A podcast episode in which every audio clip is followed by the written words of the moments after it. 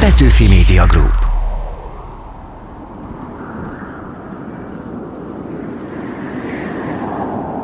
Egy misztikus vár és annak titokzatos ura.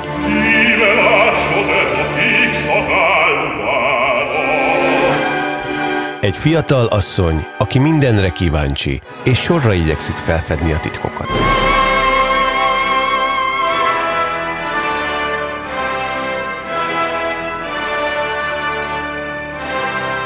Az ajtók mögött azonban a lélek legsötétebb zugai sejlenek fel.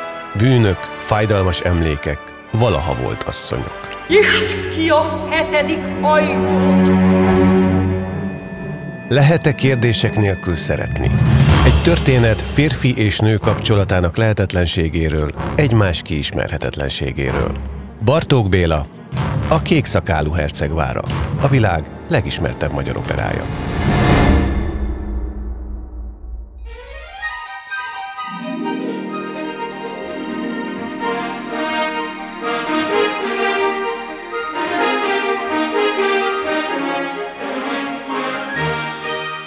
Vannak megkerülhetetlen művészeti alkotások, amelyek meghatározzák gondolkodásunkat, akár a magas művészet, akár a popkultúra felől érkeznek. Ahelyett, hogy poros klasszikusként tekintenénk rájuk, vendégeinkkel igyekszünk friss szemmel megnézni, mitől élvezetesek, szerethetőek, mit adhatnak nekünk ma, vagy miért boldogulunk velük nehezen. Ez az egyetemes alapművekről felsőfokon. Seres Gerda vagyok. Legszívesebben azt nyomtatnám a névjegyemre, Bartók Béla szövegírója, fogalmazott tréfásan Balázs Béla, akinek misztériumjátéka ihlette Bartók egyetlen operáját. A Kékszakálú Herceg vára 1918-as bemutatójának kritikusok visszafogott dicsérete dacára is megbukott, évtizedeket kellett várni, mire egy újabb előadás sikerre vitte az eleinte előadhatatlannak titulált művet. Mitől lett aztán világhírűvé, mit mesél a férfi és nő kapcsolatának nehézségeiről, és mitől érvényes több mint száz év elteltével is. Ezekről is szót ejtünk majd három vendégünkkel, akiket szeretettel köszöntök. Szántó Andrea operaénekes, hányszor énekelted Judit szerepét? Hűha, most erről nem, nem készültem föl, de 60 fölött van, annyit tudok, már régen nem updateltem a, az előadásaimat. Vajda Gergely karmester zeneszerző, aki a kék szakálú pár darabjaként megkomponálta a Barbie Blue című egyfelvonásos operát, ez a női vagy a komikus olvasat? Inkább női, de szerintem a kékszakálóban is azért több a humor, mint amit mi általában el szoktunk képzelni, mert meg lehet találni benne. Csak a fonákja az mindig unalmas, ha egy picit meg lehet mutatni, hogy mi van az eredetiben, akkor már sokkal érdekesebb, ha az ember ír egy pár darabot. Nagy Viktor rendező, aki előadásában különösen nagy hangsúlyt fektetett a látványvilágra. Bartok műve megél ugyanúgy koncertszerű előadásban is? Természetesen. A zene mindent elmond gyakorlatilag. Igen nehéz a nyomába érni a zenének, kapaszkodni kell mindenféle látványnak. A Kékszakálú Hercegvára mitől egyetemes, miért mindannyiunké, erről beszélgetünk a következő órában. A Kékszakálú ízig-vérig opera, vagy igaza van Várnai Péternek, aki inkább szenírozott balladának nevezte? Ez egy nyitott mű szerintem. Nyilván azért is olyan népszerű, meg azért nem jár le, mert maga a történet az sokféleképpen és relatíve könnyen értelmezhető újra, vagy nézhető más szemszögből. Emlékszem, volt egy előadás az operában Fischer Ádám vezényletével, ahol kétszer játszották el egyszer női szemszögből, egyszer meg férfi szemszögből, ha már az előbb erről szó esett. De az igazság az, hogy azért minden egyszerre zajlik benne, és amit Viktor mondott az előbb, hogy a zene az mindent visz, ez, ez ettől ilyen, amilyen. Tehát, hogy ez látványol is, látvány nélkül is, de ha opera színpadra állítják, akkor mindenképpen opera. Tehát lehet ezt koncertoperának hívni, de azért koncertoperának is alkalmas, mert hogy a zene erős. De látványjal azért meg lehet sokszorozni, vagy idézőjebe lehet tenni bizonyos dolgokat, és ettől érdekesebbé válhat. Hát hiszen a prologban is mindjárt ezt megkérdezik, hol a színház kinte vagy bent. Tehát már a kérdés feltevése is feltételezi azt a helyzetet, hogy ez bent játszódik, és akkor teljesen fölösleges mindenféle látványelem, marha jó előadók kellenek hozzá. Ha megvan az előadó és kellőképpen szuggesztív, én azt gondolom, hogy ez egy olyan mű, aminek rengetegféle megközelítése van összehasonlít. Tehát azt mondanám, olyan, mint egy prizma, hogyha ez fehér, de ha megvilágítjuk, akkor rengeteg szín, szivárvány összes színében mélybe tündököl. Azt hiszem ez a darab is ilyen, szinte mindegy, hogy honnan nézzük. És azt hiszem ez, ez a darab, aminek nincs végső megfejtése, vagy egyetlen megfejtése, vagy hogy mondjam, hiteles, vagy autentikus előadása. Mindegyik az lehet a maga módján. Ez egy annyira kompakt darab, így ahogy megvan írva, tehát szövegileg is és zeneileg is, és a történés is annyira kompakt, hogy én személy szerint úgy érzem, hogy nem érdemes ráhúzni semmiféle címkét, hogy most opera koncert vagy nyitott ballada, mert bármi lehet. Annyira időszerű most is, és mindig az is lesz, hisz egy nő és egy férfi kapcsolatáról van szó, ami itt érünk ebben a világban, tehát ez mindig, mindig lesz, és van. Számomra az, amikor először adtam elő, én nagyon hálás voltam azért, hogy én színpadi előadásban vehettem részt, mert kell egy bizonyos érettség, legalábbis nekem szükségem volt egy bizonyos érettségre és nyugalomra, hogy tényleg koncentráltan, koncertszerűen is ugyanazt át tudjam vinni, mint amit a színpad szabadságilag megenged mozgásban. Mire kell egy rendező egy ilyen előadásban?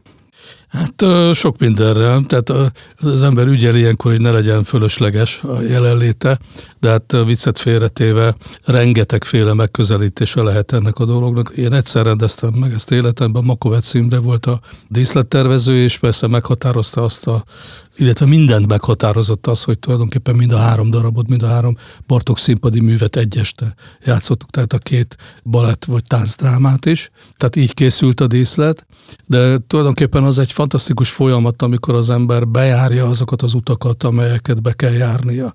Tehát a kezdetektől fogva, hiszen azért ne, ne felejtsük el, és nekem az első megrázó élményem az volt, hogy hát kiderült, hogy, hogy ez valóban létezett az a kék szakál, Gilles de Ré-nek hívták, és 1440-ben kivégezték, egy hihetetlen sorozatgyilkos volt, egy pedofil, véres sorozatgyilkos, akihez képest... Rátesszük erre az igen, akihez, akihez képest Dracula az egy kezdő, kezdőjátékos, és talán nem is mindegy, 150 gyilkosságot tulajdonítottak neki, ennyit vallott be az inkvizíció mellett, és egy érdekessége, hogy ez az ember, ez 24 éves korában már egy marsal volt, a száz éves háború a Szent Johannával együtt harcolt, például Orlán győzelem kettők nevéhez fűződik. És amikor megláttam a róla készült portrét, hiszen hiteles ábrázolások maradtak fel, igen gazdag ember volt, és nagyon sok képet festettek róla.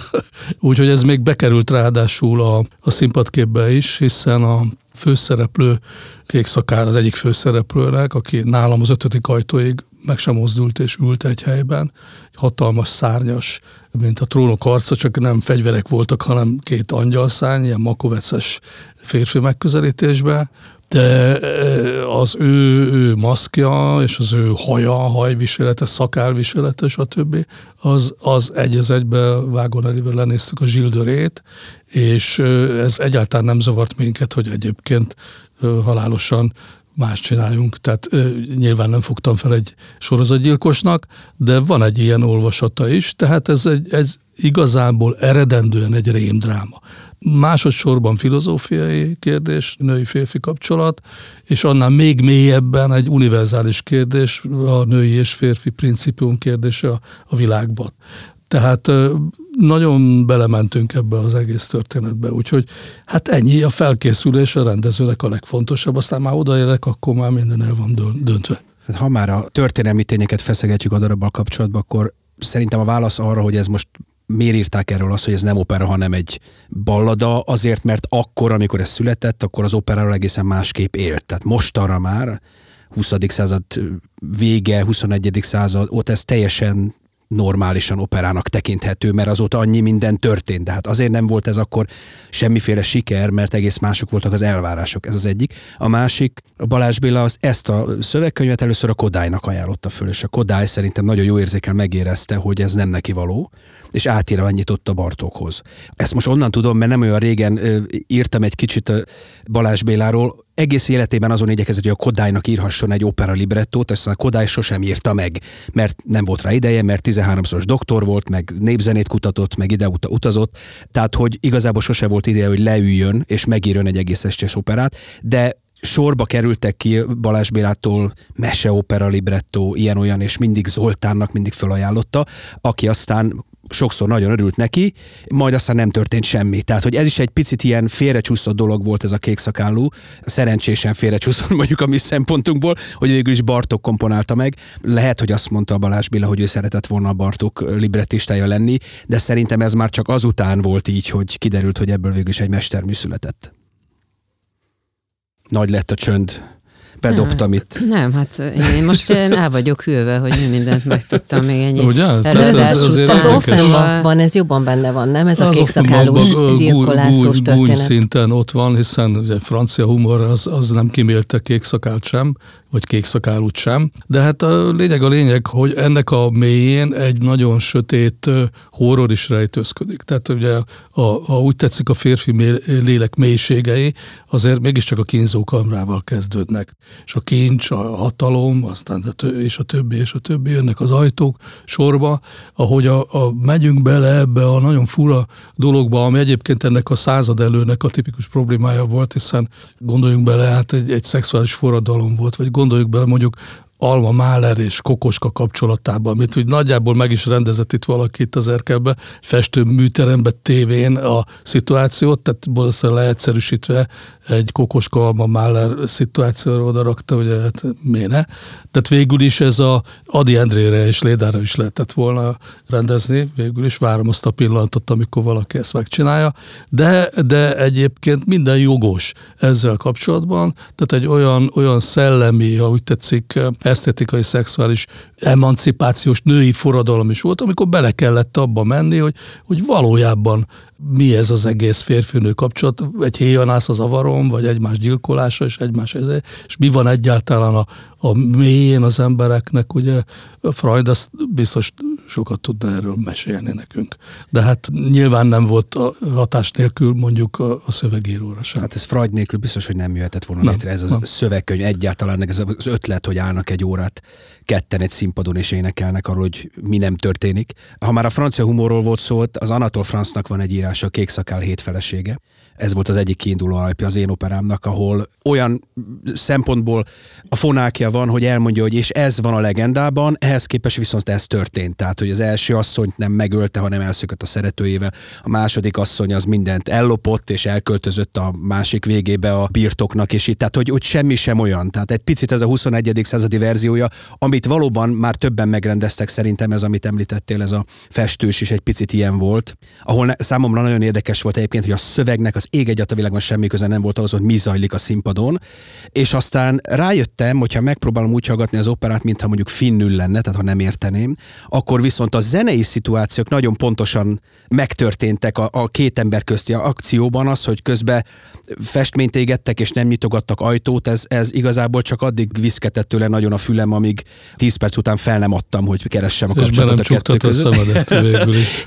Egyébként az volt, hogy látványban még tetszett is a dolog, csak hogy ezt arra mondom példának, hogy nagyon sokféle mindent lehet ezzel csinálni, és azt hiszem, hogy az az olvasat a kékszakálónak, hogy ö, hát azért nem egy véresen komolyan veendő dráma ez már, tehát amilyen fontos ez annak idején volt, Adi, Bartók, tehát ez, ez újdonság volt. Ez ma már nem újdonság. Tehát ezért vannak ezek a parodisztikusnak is nevezhető olvasatok, mert egy, a darab elbírja, kettő, meg már nem ott tartunk, mint tartottunk száz évvel ezelőtt. Hát az annyira egyetértek vele, hogy hirtelen eszembe jutott Woody Allen és az ő viszonya a nőkhöz. Tehát lehetetlen kikerülni ezt a dolgot, hogy, hogy mennyit változott a világ. Tehát a komplexusok is milyen irányban és hogyan hatnak egymásra a pároknál, a szerelem és a tehát ez, ez rémérdekes probléma, és ebben teljesen igazad van, hogy nagyon nehéz ma már ezt úgymond komolyan venni, de hogyha azért belemegyek, ugye Netflixben van egy-két, ez nem reklámhelye persze, egy-két nagyon kedélyes történetes sorozatgyilkosokat interjúvolnak meg a börtönbe, és a motivációkat is elmesélik, akkor ott mindig a nő van a, a háttérbe. Ott mindig egy valami szexuális elferdülés, ott, ott mindig. Úgyhogy én azt gondolom, hogy Gilles de Ré óta végül is ez a világ nem sokat változott ilyen szempontból, hogyha már így valaki gyűjti a trófeákat valamilyen módon, legyen az képregény vagy film, de valóban igazad, hogy nagyon átrendeződtek a dolgok, és, és a mélységek is más, máshova tevődnek, és az emberi motivációk is sokkal. Tehát ma már én azt gondolom, hogy talán érdekes lenne pont, így belegondolok ebbe a sorozatgyilkosok valódi világába, ezek valódi személyek voltak, és valódi szituációba, hogy vajon nem érvényesebb-e az a, az a régi, nem mítosz, hanem történet, aminek olyan véres volt a vége, hogy maga az inkvizíció törölte az egész jegyzőkönyvet a végén, mert azt, ezt, nem, ezt nem lehet leírva hagyni. De most én itt gátat szabnék ennek a sorozatgyilkosos oh, dolognak. Persze. Nem azért, én magam azért, mert hogy ez a Bartóktól egy kicsit elrugaszkodik az én értelmezésem. Értem, hogy ez mondjuk fontos, hogy az ember felkutat egy ilyen történetet, ha egy létező szeméről van szó, de én például egy pillanatig nem gondoltam soha, hogy az ajtó mögött lévő valaha volt asszonyok, azok megölt nők lennének, hanem mindig úgy képzeltem, hogy az ott az ő szellemük, lelkük, a férfiban élő asszony. Tehát mondjuk ezt így nem gondoltam, De hogy azok ott szépen. Kérde, most van egy nagyon, valószínűleg megint változnak az idők, mert én körülbelül két hete hallottam egy másik rendezőtől hasonló elképzelést, amit szeretne megvalósítani. A kék szakálúra? Bizony. Hogy? Ugye? Hát, hogy a sorozat, és hogy a végén véres izé minden, és hogy ott bizony történtek dolgok. Hát a történelem szóval... egy dolog, de a Netflix azért nagy hatással van, azt hiszem. A, Lehet, a, de hogyha a, már ez több ember fejében megfordul, akkor valószínű, hogy ilyen is lesz. De természetesen nyilván el kellett szakadni, hát ez sokkal, sokkal mélyebb történet, és nekem eszem ágába se volt egy ilyen irányba terelni. Mondjuk Csak azt mondom, lehet. hogy maga a 21. század a, a maga merészségével és a maga mindent kiforgató úgy tetszik, cinizmusával vagy humorával, ahol mindegy, hogy honnan nézzük, az egy új értelmezést adott, egy új értelmezési tartományt. Én egy, egy konzervatív rendezőnek tartom magamat, nyilván nem fogom ezt így megcsinálni. Jobban érdekel az a belső világ, ami van a férfi fejébe, úgy tetszik, és a nőnek a belső világa és az ő küzdelmük sokkal jobban érdekel, mint bármilyen naturális ábrázolás. Ennek sokkal érdekesebb. Andrá, téged mi érdekel ebből? Hogy egy kicsit a nők is. Igen, igen, igen, szóval, hogy kettő-kettő. a beszélgetésben. Engem valóban inkább a, a kapcsolat a két, a férfi és a nők között nyilvánvalóan ez érdekel, és hogyha megemlíthetném, hogy tulajdonképpen én mindig azon gondolkodtam, hogy a kékszakálú soha nem mondja azt, hogy szeretlek. Judit az kimondja kétszer is, hogy mert szer, azért nyitom ki, mert szeretlek. A kékszakáló soha nem mondja ki. Tehát itt alapvetően nyilvánvalóan a szöveg is rámutat arra a gondra, hogy melyikünk a nyitottabb. Nyilván itt a határok feszegetése, hogy hol az a határ, hol álljunk meg, az ajtók nyitogatásában. Tehát engem inkább ez a pszichológiai vonulat érdekel. Tehát maga a félelem, hogyha csak a félelemből indulnék ki, mint Judit előadó, akkor miért megyek el a kékszakálóval? Tehát az nem nekem túl sekélyes indíték lenne erre a kapcsolatra.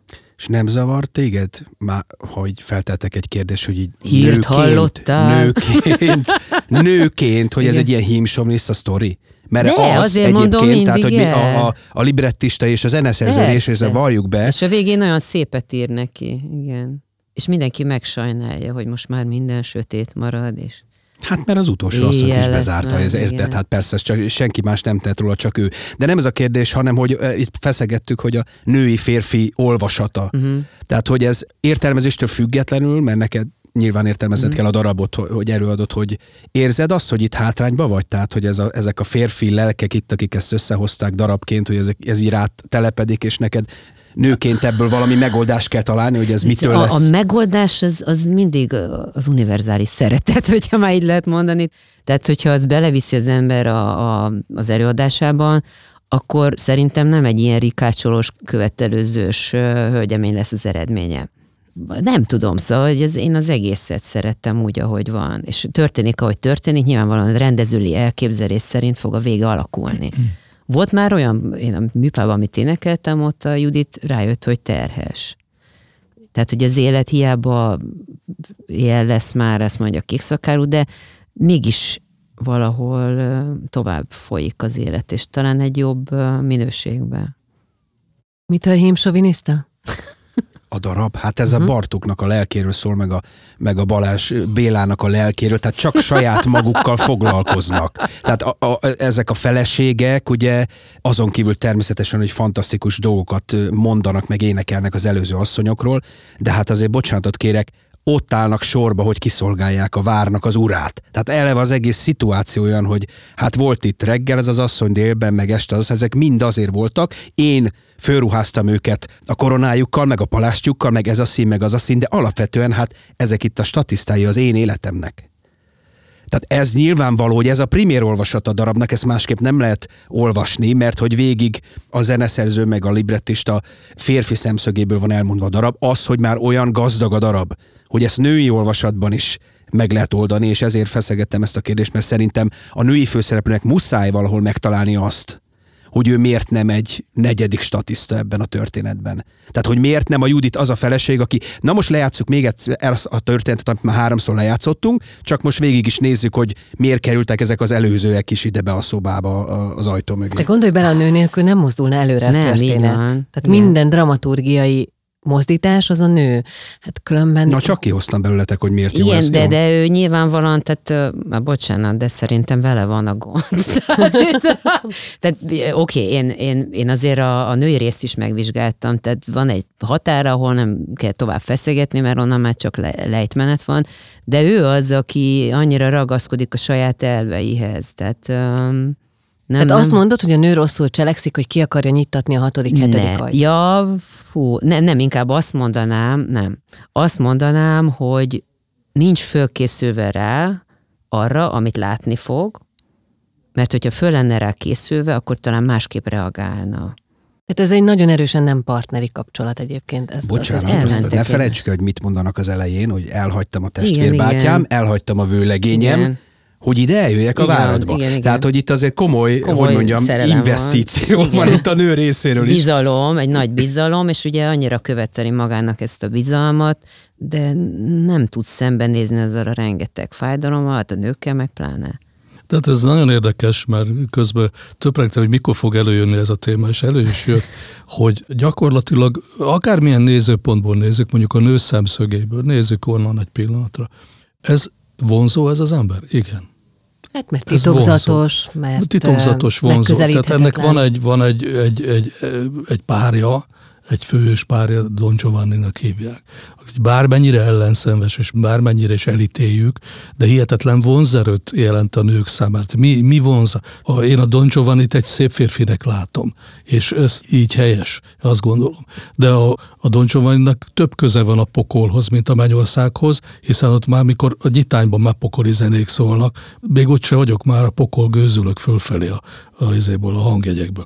És ö, mégis a nők nők szeretik, tehát egy vonzódás van mindig a sötét oldal felé, és a sötét oldal meg a világos oldalt szeretné birtokba venni. Tehát az na- nagyjából Makoveci értelemben nap és a hold, ugye a sötétséget birtokba veszi a nap, és ahogy a nap kihúny, birtokba veszi a hold, és egymással teremtenek egy összhangot. De tulajdonképpen egymás nélkül nem is tudnak létezni. Tehát ennek van egy ilyen olvasata, és plusz ugye az az erő, amit most érez az ember, hogy igazából a nők tartják össze a világot. Tehát minden juditi hibájuk ellenére, a női teremtő erő, a női principium, amelyik mindig az életet akarja, és mindig az életet választja, szemben a férfival, amelyik anyagelvű, nem annyira szellemi elvű. Tehát itt azért megbicsaklik a történet kozmikusan legalábbis, mert a női energiák viszik mindig előre a világot. Gondoljuk a, a Wagnerbe is. Hát Amikor összeomlik a világ a ring végén, akkor egy olyan ziglinde szerelmi téma jön, hogy kész, akkor elolvadunk. Tehát a női principium az győzni fog. Én szerintem még akkor is, hogyha ideiglenes vereségben van, vagy hátrányban van, mint a mai világban is úgy látom a férfi principiummal szembe. Hát ez most, Egy- elnézést, ez így- csak földobtam ezt a De dolgot. nagyon érdekes ügy, amit mondasz, és én is úgy ö, egyetértek, de azért én mégis hajlok a felé, hogy akkor lenne boldog a világ, és ugyan a kékszakáló is, meg a Judit is, hogyha mind a ketten fölmutatva egyik a holdat, a másik pedig a, a napot, hogy kiegyenlítenék, vagyis megismernék önmagukat, megismernék egymást jobban. Tehát erre való egy párkapcsolat, hogy önmagunkat igazából megismerjük, és hogyha önmagunkat megismerjük, akkor tudunk boldogak lenni. Volt azért jó pár ilyen történet a Bartók körül, hogy volt feleséggel és új feleséggel levonultak a Balatorra, mert szólamokat kellett írni a Bartók új darabjához. és akkor ott ültek, a, ott ültek a volt asszonyok, és írták a szólamot. Tehát, hogy nem volt itt ilyen veszekedés. Ugye egyrészt azért száz évvel ezelőtt volt, ne felejtsük, egy mások voltak azért még a, az elvárások meg a szokások. Ez az egyik. A másik, most volt szerencsém vezényelni az Opus 15-ös öt dalt Bartoktól, ami az adidalok előtti öt dal, ebből Kodály csinált egy hangszerelést, és most. A, az Universal kiadó szerint ismeretlen szerzőtől származnak a versek, amiket megzenésített. Kiderült, hogy ez nem ismer. Én fölhívtam egy zenetudós ismerősöm, megkezdette, figyelj, ez most tényleg? Mert ilyen, ilyen kicsit ilyen, ilyen uh, adi, epigon, hát hogy annyira nem jó azért a szöveg. Egyik jobb, másik nem. Kiderült, hogy ez két hölgyről van szó, az egyik ráadásul még 16 éves is volt, akivel álltak Bartoknak volt valami ilyen szerelmi, ha nem is viszonya, de hogy valami, aminek úgy nagyon rossz vége lett volna, és Ebben a zenében van az, hogy ez már majdnem kékszakálú. Még nem ért el oda, hogy valahogy összeálljon neki rendszeri ez a, na az én hianászom az avaron, az vajon annak milyen hangja van, tehát hogy még az akkordok még nem stimmelnek, néha már igen, kicsit ilyen befejezetlen kanyarokat vesz, hogy hú de fura, jaj, mi ez? Szóval egy kicsit ilyen kísérleti darab, de abszolút ott van benne. A testi szerelemben megnyilvánuló lelki szerelemnek a lehetetlensége, az ezzel való kínlódása Bartóknak, és nem akarom ezt most túldimenzionálni, mert nyilván ez csak egy összetevő annak, hogy valaki ír egy zseniális darabot, de azért ez erőteljesen ott van, amit én itt először lehímsovinisztáztam, tehát hogy ez ott van a kék szakálóban is. Meg az a reménytelenség, amiről az egyik levelében ír is talán az édesanyjának, hogy ő soha nem fog társat találni, jobb is, ha ezt a magányt önként vállalja, és nem szenved tovább ezzel a történettel. Na jó, de ki nem írt ilyen levelet édesanyjának? Még ha, ha csak képzeletben is, nem? Szóval hát van mindenkinek az a korszaka, hogy na én az nekem aztán sose lesz barátnőm. De alkotni általában egyedül lehet legjobban. Igen, de kell, hogy valaki ott üljön és Tehát csodáljon, kell az inspiráció, érted? persze kell, Nézze, kell. hogy igen, jaj, igen. hogy Na, minden költő így kezdi, hogy engem senki nem ért meg. Hát Rilke is így kezdte, és aztán hány, hány nője volt életében. Csak a levelezését megnézi valaki, akkor hanyat esik. Tehát az, ennyit a magányos költőr, meg a, a férfiak és nő viszonyáról. Hát nyilván ő is vonzotta, mint a mágnes, és ez, hát ne is soroljuk ezeket a gigászokat, hogy kiket és hogyan vonzottak a nők. De, de valahol mindig valami nagyobb tragédia, vagy ilyen párkapcsolati tragédia az, ami ilyen, ilyen csodaműveket kirobbant egyébként, vagy valami fajta emberi tragédia, amit te megér, nem?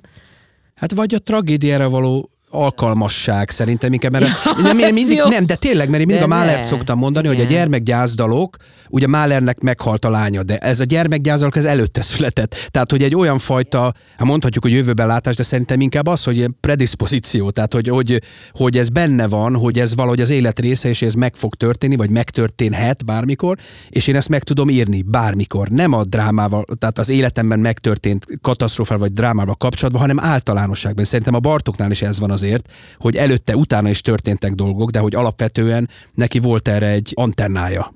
De mi Judit hibája, ugye? Talán ezt a kifejezést használtad, Viktor, Igen, igen, igen. hogy a hibái ellenére, vagy valahogy így mondtad. Hát mint minden nőnek, aki, hát mi, mi Ádám Éva helyzetben az Éva hibája. Csak annyi, hogy egyéniség, és szeretne valamit megtapasztalni, amit tilos. Tehát mindig van bennünk egy ilyen megismerési vágy. Most az előbb az jutott eszembe, bocsánat, hogy átváltok egymásra, hogy, hogy azért ez mégiscsak egy tipikusan intellektuális probléma, ez nem a házmesterek problémája, tehát amiről beszélünk, tehát a női-férfi kapcsolatban. És az, hogy mi a Judit bűne, vagy mi sem, azt hiszem, hogy azt hiszem, te mondtad, Andrá, hogy ha tovább megy annál a bizonyos pontnál, tehát van egy pont, ami, ami, A megismerés határa? A megismerés határa, amin túlmegyünk ezen a ponton, akkor már olyasmiket találhatunk, amit nem is biztos, hogy olyan nagyon-nagyon szerencsés Hát meg nem ránk tartozik. Ugye? Tehát, igen, igen, nem, Tehát nem lehet, hogy ez igen. már, azt már ott nem kéne kutatgatni, ezt a történetet. Mert a személyiségnek, vagy ha úgy tetszik, a intellektusnak, vagy bárminek egy olyan mélyére hatolunk le, ahol már olyan visszafordíthatatlan utunk van, uh-huh. hogy már nem tudunk. A nő részéről is, amikor nem ismeri meg, hogy na most itt kellene visszafordulni, mert utána már nem lehet. Tehát én, én csak ebben látom a Juditnak a hibáját, hogy ott azon a bizonyos ponton ő túllép. De akkor meg nem lenne, Nem dráma. opera, így van. Nem lenne dráma. Tehát ez, ez mindig a, az emberi viselkedés, az emberi megismerésnek is egy kicsit a tragédiája. Ez nem csak a párkapcsolatnak, hogy meddig mehetünk el, hogy hol, hol, hol van a határ, meddig tudunk egy személyiségbe belemenni. Én nem vagyok pszichiáter, de hát ők ezt pontosan tudják, hogy ez hogy van, hogy nem mehetnek egy, egy határon túl. Pont ez az eleven benne, hogy ennyire titokzatossá teszi ezt a fantasztikus kapcsolatot. Azért bedobnék még két történetet. Az egyik a Thomas Mann elcserélt fejek, ezt biztosan azért többen ismeritek, ugye ez a szép férfi testre tesszük az okos fejet, és akkor itt a fejek helyet cserélnek, és akkor ebből van a, a, a nőnek a dilemmája. Na, akkor most mit szeressek? A férfit szeressem, mint, mint férfi szépséget, vagy az intellektus szeressem, aki egy, vagy hogy hogy működik ez az egész dolog. A másik meg a, a Savitri történet, ahol a, a Savitri végül is akkor bizonyul, ugye ez egy eredetileg indiai történet, a megfelelő feleségnek, amikor úgy szereti a férfit, hogy ő már az előtte lévő sorsából ismeri. Tehát, hogy nem úgy szereti, ahogy a férfi szeretné, hogy őt szeresse, hanem úgy szereti, ahogy őt szeretni kell. És hát ezek az, az nyilván, nyilván, hogy még számlálatlan ilyen történet van, ehhez, ehhez irodalmárnak kéne lenni, hogy ez az ember mind, mind ismerje, de hogy, de hogy azért ezek elég alapvető kérdések, még hogyha valóban nem is a házmesterek problémája, de hát a házmesterek nem írnak regényeket, meg operákat, tehát azért vagyunk mi, hogy ezeket így megfogalmazzuk, még hogyha ez egy nagyon távoli problémának tűnik is, vagy dilemmának, de az biztos, hogy, hogy Bartók életének egy nagy része azért valóban ezen a teniszpályán telca ide-oda pattogott a, a két dolog között. Andrá, ez a szeres, sose kérdez, akkor azt mondod egy méltányolható kérés. Ez egy nagyon rövid ez- ez- opera ez- lenne női szemszögből. Igen, igen. Tehát szeres sose kérdezed, nem, nem, nem. Én hiszek a kommunikációnak a sikereiben. Mi Judit bűne? Én nem tudom, hogy itt bűnökről beszélhetünk-e, vagy bűnbakot keresünk, mert mind a kettő saras. Visszamehetünk a kaptafához, miért megy el egy olyan emberrel, akiről mindenféléket hallott. Tehát kezdjük itt. Hát, vagy ha csak Igen. annyit mondunk, hogy nem tud semmit róla. Vagy amit hírt hallottál, ugye van ez a mondat benne, és hát igen, hallott hírt. Mert mondja, hogy ott hagytam apámat, anyámat, a vőlegényemet azért, hogy hozzád eljöhessek, tehát öm, van egyfajta naivitás benne, illetve az a hit, hogy ő talán az ő szerelmével meg tudja ezt a férfit nyitni, és megváltoztatni azokat a híreket, vagy azt, ami, ami esetleg, tehát ahogy ő, ő le lett írva. Hogy is fogalmazom? Micsoda botor gondolat. Nőnek még a világon nem De nem kell, eszébe. tehát én, bocsánat, nem, nem, inkább nem jó fogalmaztam. Nem megváltoztatni, hisz nem változtathatunk meg egy embert, de magát a kapcsolaton keresztül lehet változni. Tehát egyik ember változik, akkor a másik is alapvetően fog. Legalábbis jó esetben. Gergő, neked mi a női olvasatod? Már ha a Barbie Blue-t annak veszük. A Barbie Blue az annyiból, hogy a női verziója ennek, hogy ott egész egyértelműen a, a nő az aktívabb, aki mozgatja a drámát. Tehát ott minden ajtót a Barbie nyitogat, és nem a Bernárnak el, akit eredetileg bevallom őszintén. Almásított András írt a szöveget, hogy Bélának akartuk nevezni, de aztán úgy döntöttük, hogy lehet, hogy ez már túlzás lenne, mert ugyan víg opera, de azért annyira mégse víg. Tehát, hogy a nő mozgatja drámát, amiről az előbb Viktor is beszélt, hogy, hogy akkor nincs dráma, ha, ha nincs ez a konfliktus. Tehát az a konfliktus, hogy ugyanazt játszák le, mint a Bartókban, csak, csak a, valahogy a fonákián, ugyanazokat a adok-kapok, húzom, tolom, nem, igen, nem, de minden akció, ami történik a darabban, az, azt a női főszereplő kezdeményezi.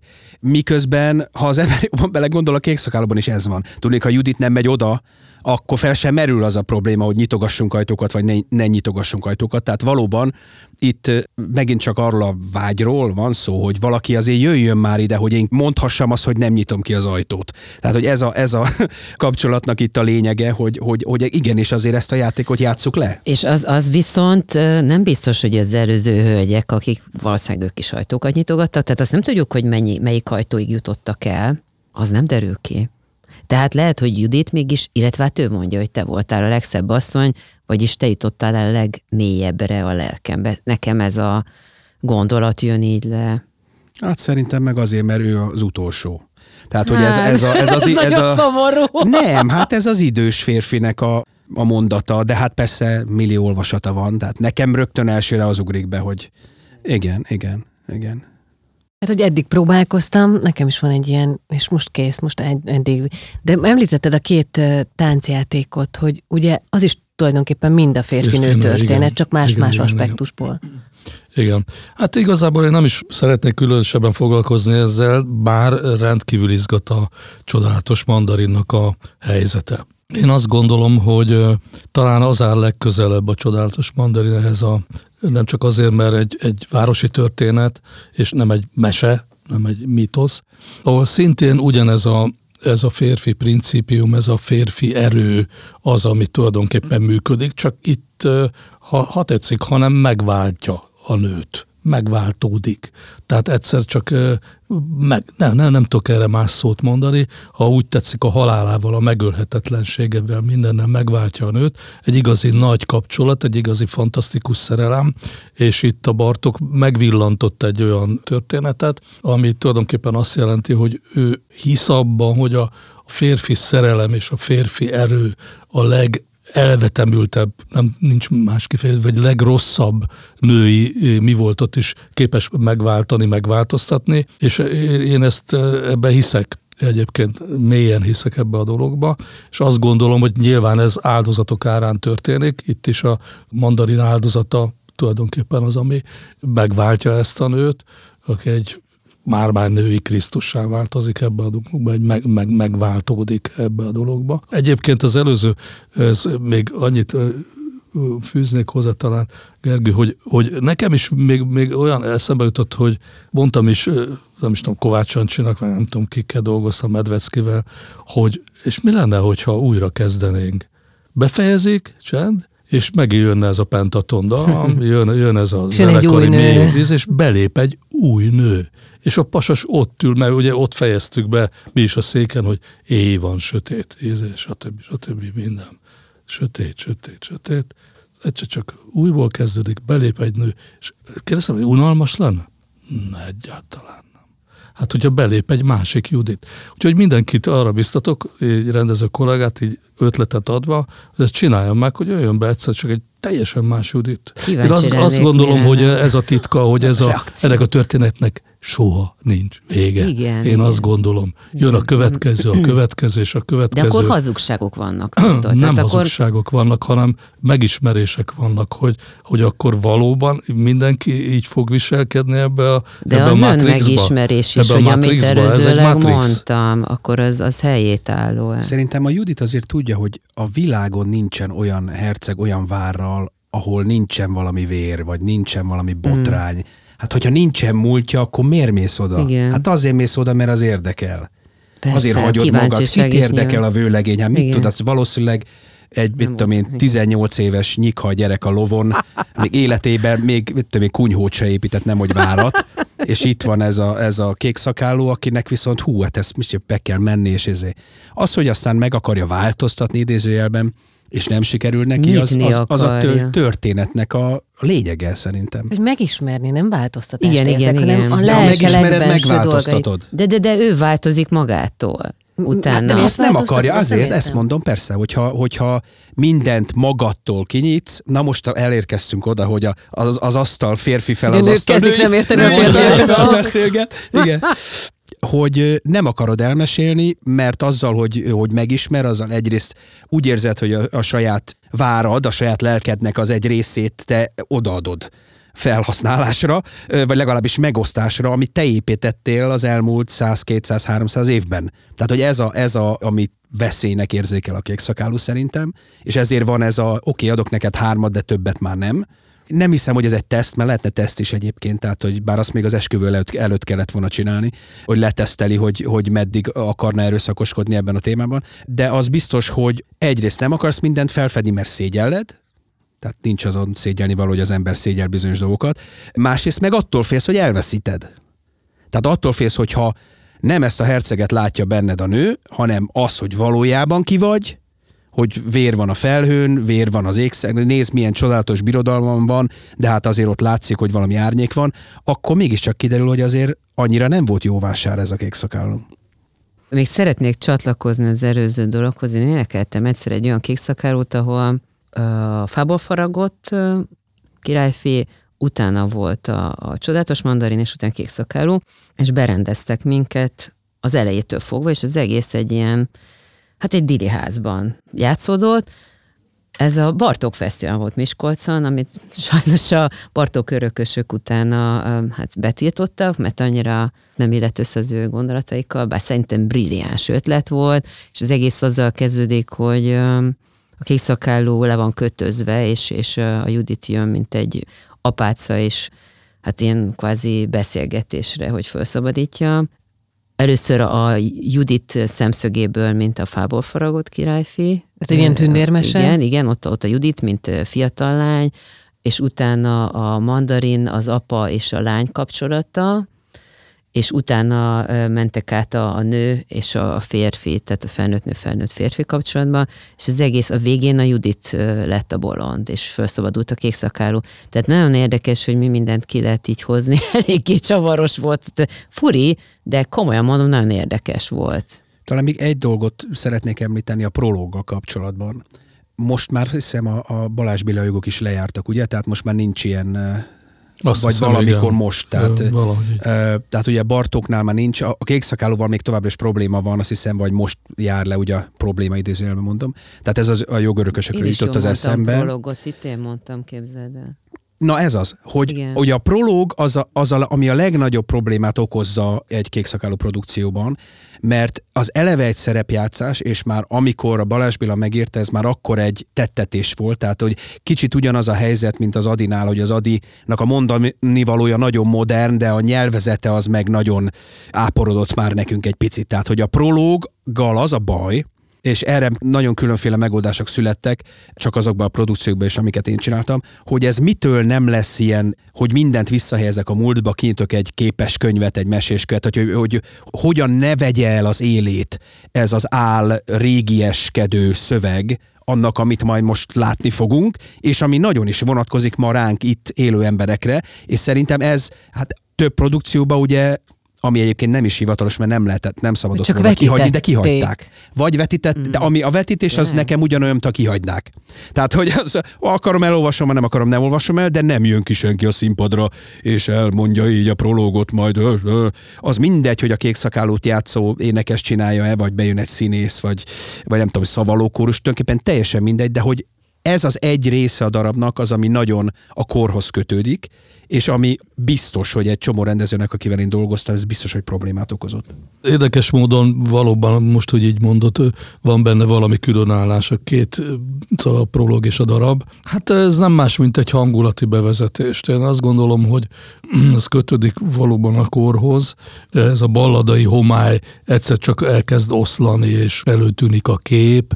Valóban egy picit most már magyarázó, és nem igazán szerencsés. Nem tudom, én nagyon szeretem ezt a prológot. Mert mondtad azért.